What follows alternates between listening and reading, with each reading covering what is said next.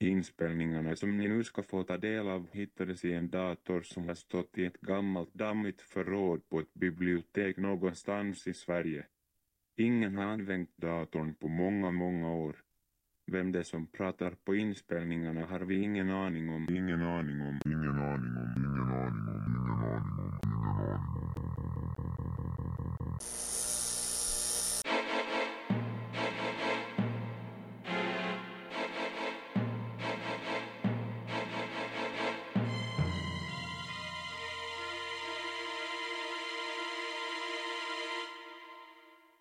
Att vara i naturen kan vara alldeles underbart.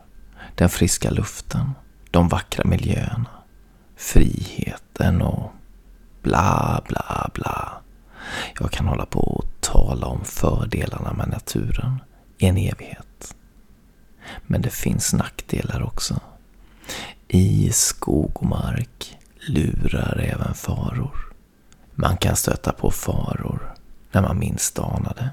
I bilen då man tar sig fram på ringlande vägar genom ödemarker. Eller till fots då man bestämt sig för att man ska vandra bland träd, buskar och stenar. Lyssna och lär av de historier jag nu ska berätta. På sajten ranker.com skriver lastbilschaufförer om obehagliga händelser som de varit med om på vägarna. En chaufför berättar att han en sen kväll fick höra på radion i lastbilen att en galen man for omkring på vägarna i närheten i vansinnesfart. Flera bilar hade varit nära att krocka med honom. Chauffören tänkte inte så mycket mer på detta. Han körde på en ganska ödslig väg och räknade inte med att möta någon bil överhuvudtaget. Ungefär en halvtimme senare kom chauffören ut på en väldigt lång raksträcka och längst bort på denna raksträcka såg han billyktor. Han skulle få möte för första gången på över en timme.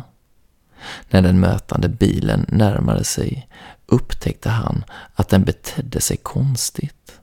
Den körde hit och dit över vägbanan. Chauffören förstod att det måste vara den galne mannen som var på väg rakt mot honom. Han styrde ner så långt han kunde mot den högra sidan av vägen. Till sin förskräckelse såg han att den mötande bilen gjorde likadant. Bilarna var nu bara knappt hundra meter ifrån varandra.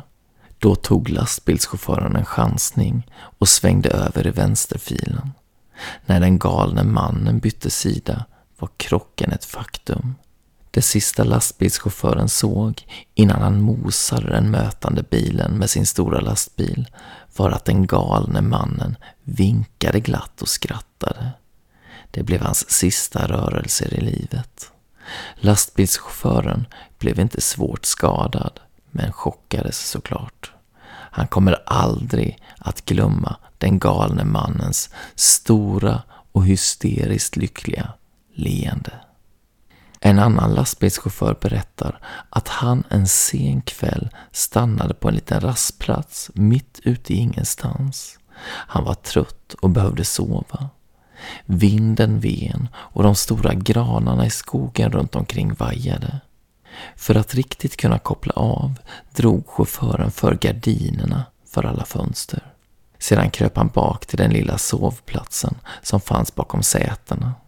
Han skulle just sluta ögonen då han hörde något. Det lät som hundskall. Chauffören försökte att inte bry sig men lyckades inte komma till ro. Speciellt inte eftersom hundskallen kom allt närmare. Snart lät det som om hunden var alldeles utanför lastbilen. Den skällde hysteriskt och krafsade på dörren. Lastbilschauffören satte sig upp och kröp fram till ett fönster. Försiktigt tittade han ut. Det han såg gjorde honom alldeles paralyserad av skräck. Det var ingen hund där utanför. Istället möttes han av en mans ansikte. Mannens ögon stirrade vilt på honom. Sedan började mannen slå på fönsterrutan. Det var ingen tvekan om att mannen ville ont. Chauffören kastade sig fram i förarsätet och vred om nyckeln. Sedan for han iväg med en rivstart.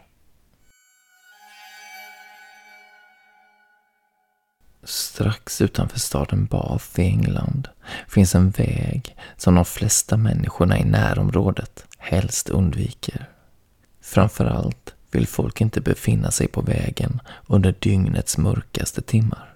Vägen kallas för Sally in the Wood och går genom en skog där det sägs att en flicka blev mördad för länge sedan. Det sägs att fåglarna inte sjunger i skogen runt omkring vägen. De är alldeles tysta och visar sig sällan. Det är som om de gömmer sig för något skrämmande och farligt. Bilister som kört på vägen nattetid säger sig ha hört barn skrik och gråt. Vissa personer påstår att de har sett en flicka springa ut på vägen. Dessa personer är övertygade om att flickan de sett är ett spöke. Enligt legenden är det en hämndlysten ung flicka vid namn Sally som spökar på platsen och försöker få bilister att köra av vägen. Det sägs att flickan blev inlåst i ett torn mitt ute i skogen utan mat och vatten. Efter att ha plågats i flera dagar dog hon. Detta skedde någon gång på 1700-talet men tornet står kvar ännu och flickan, hon rör sig i närheten av platsen hon dog på. Hon irrar runt för att hitta någon att döda. På sajten laxtorn.se kan man läsa många skrämmande spökhistorier. Den här heter Cykelmannen. Vi var några stycken som skulle ha grillfest på ett ställe i skogen där det finns en slogbord och en grillplats. Stället har varit en arbetsplats långt tillbaka i tiden och stod färdigt 1911. En del byggnader finns kvar en bit bort från grillplatsen där vi var. Det var mörkt och förutom brasans ljus så hade vi några stearinljus på ett bord. Min man säger plötsligt tyst allihop och vi tystnar och lyssnar. Då ser några hur en gammal man i svart rock med hatt kommer cyklandes ut från skogen. Vi hör det skramlar från cykeln. Men så plötsligt försvinner både cykeln och mannen i tomma intet. Där han kom ifrån finns ingen cykelväg alls. Ingen såg ansiktet på grund av mörkret, men vi förstod att han var gammal med tanken på rocken och hatten. Jag hade tidigare tagit bilder från platsen och fångat en skepnad, en svart skugga. Och den bilden la jag in i min dator så att mina vänner kunde se den. Men efter någon dag var bilden borta. Jag har sökt igenom min kamera också, men bilden är försvunnen. Vi fick senare höra att en person tagit sitt liv på platsen långt tillbaka i tiden. Frågan är om det var denne man som kom cyklandes och försvann i tomma intet. Slutligen ska jag läsa en berättelse av Tobias Gard. Den är hämtad ur spökhistoriesamlingen Under isen och heter Vittnet. Hur många likes är vi uppe i? frågade Hampus. Han och Mergim lutade sig över Kevins axel och försökte se mobilens skärm. 72 stycken, svarade Kevin. Shit, redan? Den har ju bara legat uppe i en halvtimme. Vi börjar fan bli kända. De promenerade på den mörka gångvägen. Kvällen var alldeles ljummen. Jag vet en video som skulle få ännu fler likes, sa Kevin och började springa. Kom. Killarna hade varit ute hela kvällen och spelat in filmer. Pranks och farliga utmaningar var deras grej. De la ut alla klipp på nätet. Till sina föräldrar hade de sagt att de sov över hos varandra. I själva verket hade de inte tänkt sova alls. Skulle de bli trötta kunde de alltid gå hem till Kevin. Hans farsa brydde sig ändå aldrig. Hampus och Mergim hann ifatt Kevin på bron över motorvägen. Det var inte mycket trafik vid den här tiden på dygnet. Men då och då får en bil förbi under dem, som ett streck i den annars mörka sommarnatten. Kevin tog upp en sten, lagom stor för att fylla hans hand. En ny utmaning killar. Han gick fram till räcket och släppte stenen. Den föll ner på vägen. Nu är det er tur. Den som kommer närmast en bil vinner. Han tog upp sin mobil och började filma. Mergim hittade en sten och ställde sig vid räcket. Långt borta såg de en lastbil närma sig. Så nära som möjligt nu, Mergim. Kevin fnissade av upphetsning. Hampus sa ingenting. Lastbilen dundrade fram. När den bara var hundra meter från bron tutade den. En lång signal. Chauffören hade tydligen sett dem och förstått att någonting var på gång. Mergim släppte genast stenen som landade med en smäll och studsade ut i diket, långt innan lastbilen nådde fram till bron. Vilken mes du är, Mergim, sa Kevin besviket innan han vände sig mot Hampus. Och du är väl ännu mesigare? Hampus såg ner i marken. Jag fan inte. Men jag fattar inte varför jag ska göra det. Det här känns lite för uh, mycket. Kom igen. Det blir en bra video. Och du visar att du inte är den tunt vi tror att du är. Kevin flinade. Hampus visste att han inte menade allvar med de där orden. Men de fick honom ändå att vilja visa att han vågade. Han sprang över bron och bort i skogen på andra sidan. Snart var han tillbaka med en stor sten. Han fick använda båda händerna för att orka bära den. Är den här tillräckligt stor för dig, Kevin, sa han. Kevin skrattar och skakar på huvudet. du är galen. Det är en på väg nu, sa Mergim och pekade ner mot vägen där en bil kom körande mot dem. Hampus ställde sig vid räcket och Kevin tryckte igång kameran igen. Kolla in kungen nu, sa Hampus och flinade in i kameran. Han gjorde sitt bästa för att inte verka osäker och tittade bort mot bilen som nästan var framme vid bron nu. Sedan släppte han stenen. Den landade bara några meter framför bilen som sladdade åt sidan för att inte köra på den. Däcken skrek och bilen krängde hit och dit. Föraren verkade ha tappat kontrollen. En kort sekund försvann bilen under bron. När killarna fick syn på den igen, på andra sidan, körde den i full fart rakt ner i diket och sedan upp på en vall av gräs. Där slog den runt och blev liggande på taket. Hampus stod alldeles stum och bara glodde medan Kevin och Mergen vrålade i mun på varandra. Spring, vi måste härifrån. Hampus sprang inte. Han väntade på att någonting skulle hända vid bilen. Någon måste väl ändå försöka ta sig ut. Men nej, det verkade inte så. Det var alldeles stilla. Andra bilar närmade sig på vägen. Då blev det fart på Hampus. Kevin och Mergim hade sprungit in i skogen. Hampus sprang efter.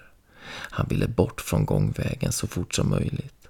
När han bara hade några meter kvar fram till skogsbrynet hajade han till. Det stod någon där, på gångvägen framför honom. En liten pojke, sju år kanske, med för stor Pokémon-tröja på sig. Hans hår var ljust, nästan vitt han såg allvarlig ut. Vad gjorde han ute så sent? Hampus fick panik. Kanske hade pojken sett honom kasta stenen. När han passerade pojken stannade han till en sekund och stirrade hotfullt på honom. Du håller käft om det här, annars slår vi sönder dig. Fattar du? Det var verkligen inte likt Hampus att hota andra, särskilt inte små barn. Men han kände att han inte hade något val. Pojken fick inte skvallra. Trädgrenar rev Hampus i ansiktet när han tog sig fram genom den täta granskogen. En bit framför sig såg han Mergim och Kevin. Han hade ingen aning om vart de var på väg. Så långt bort från motorvägen som möjligt, antog han. De sprang i säkert en halvtimme utan att stanna.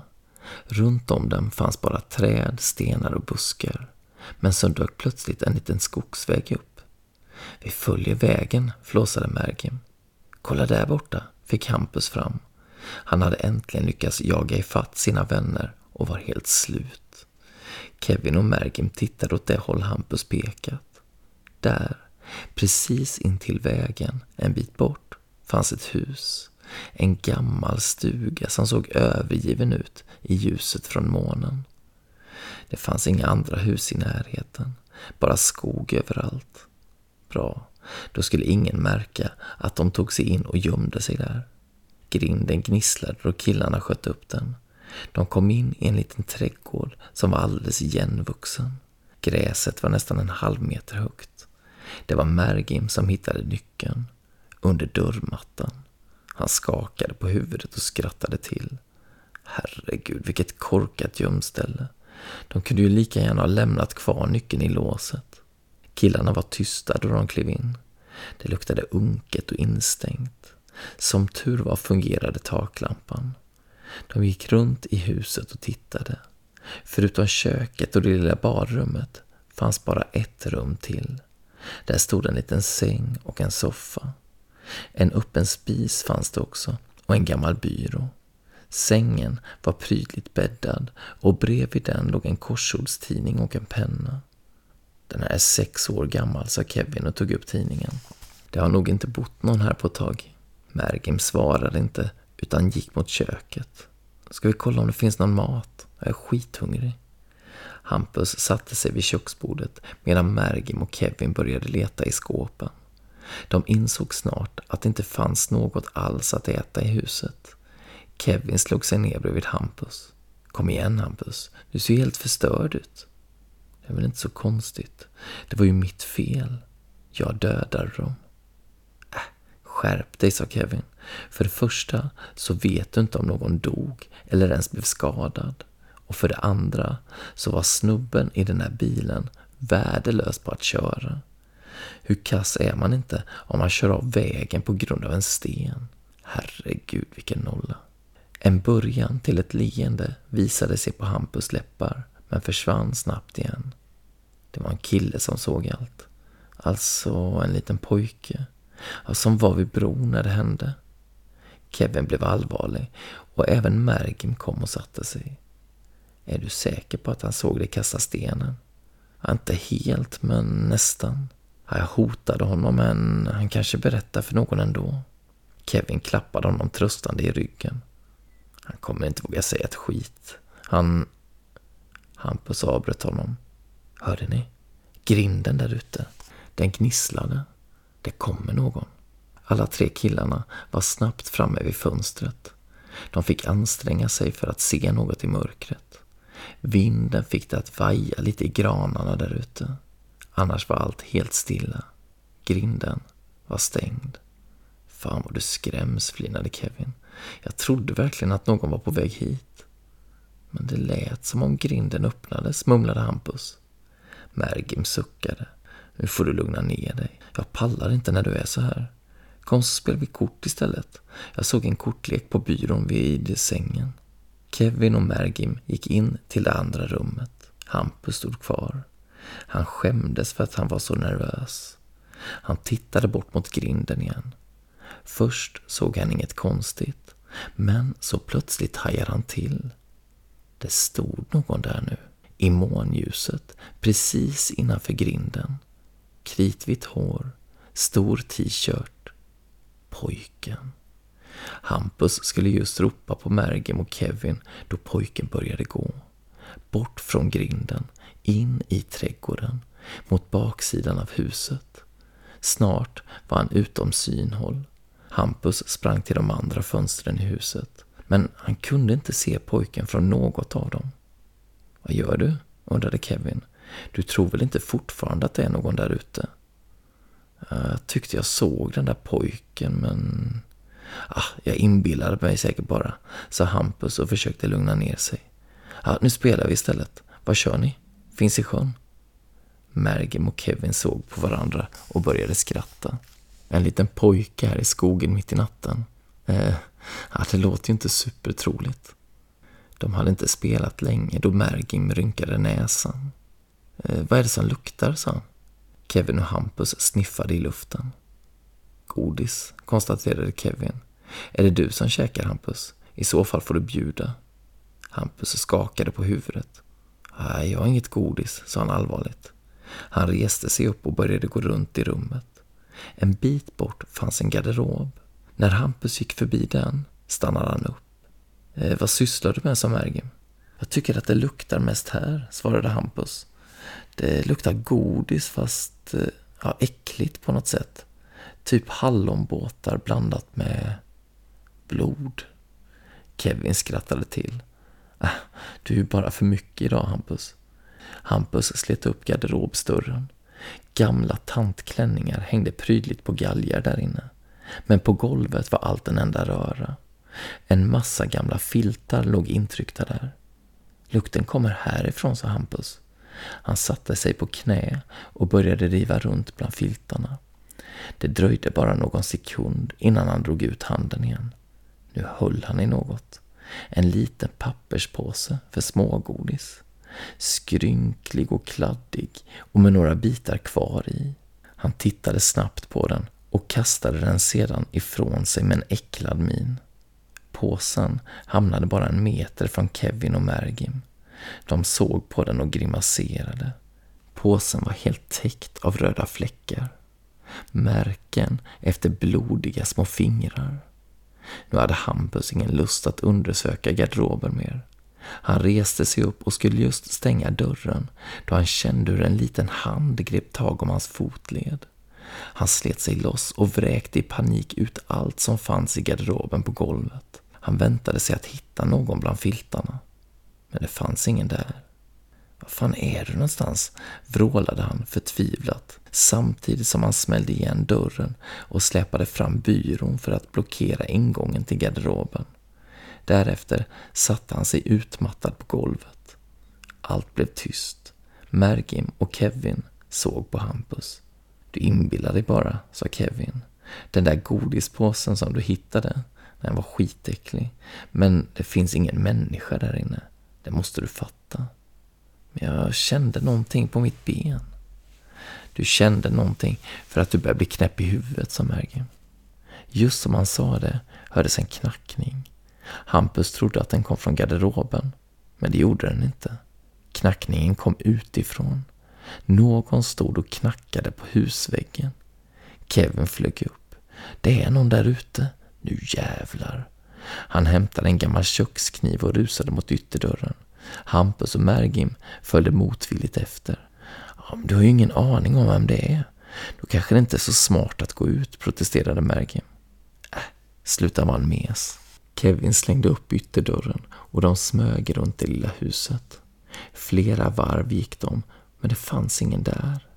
Högt gräs och gamla äppelträd var det enda de såg och den mörka och hotfulla skogen utanför staketet. Men när de kom in i huset igen knackade det fortfarande. Ärligt, vad är det här? Nästan skrek Hampus. Kevin skakade på huvudet.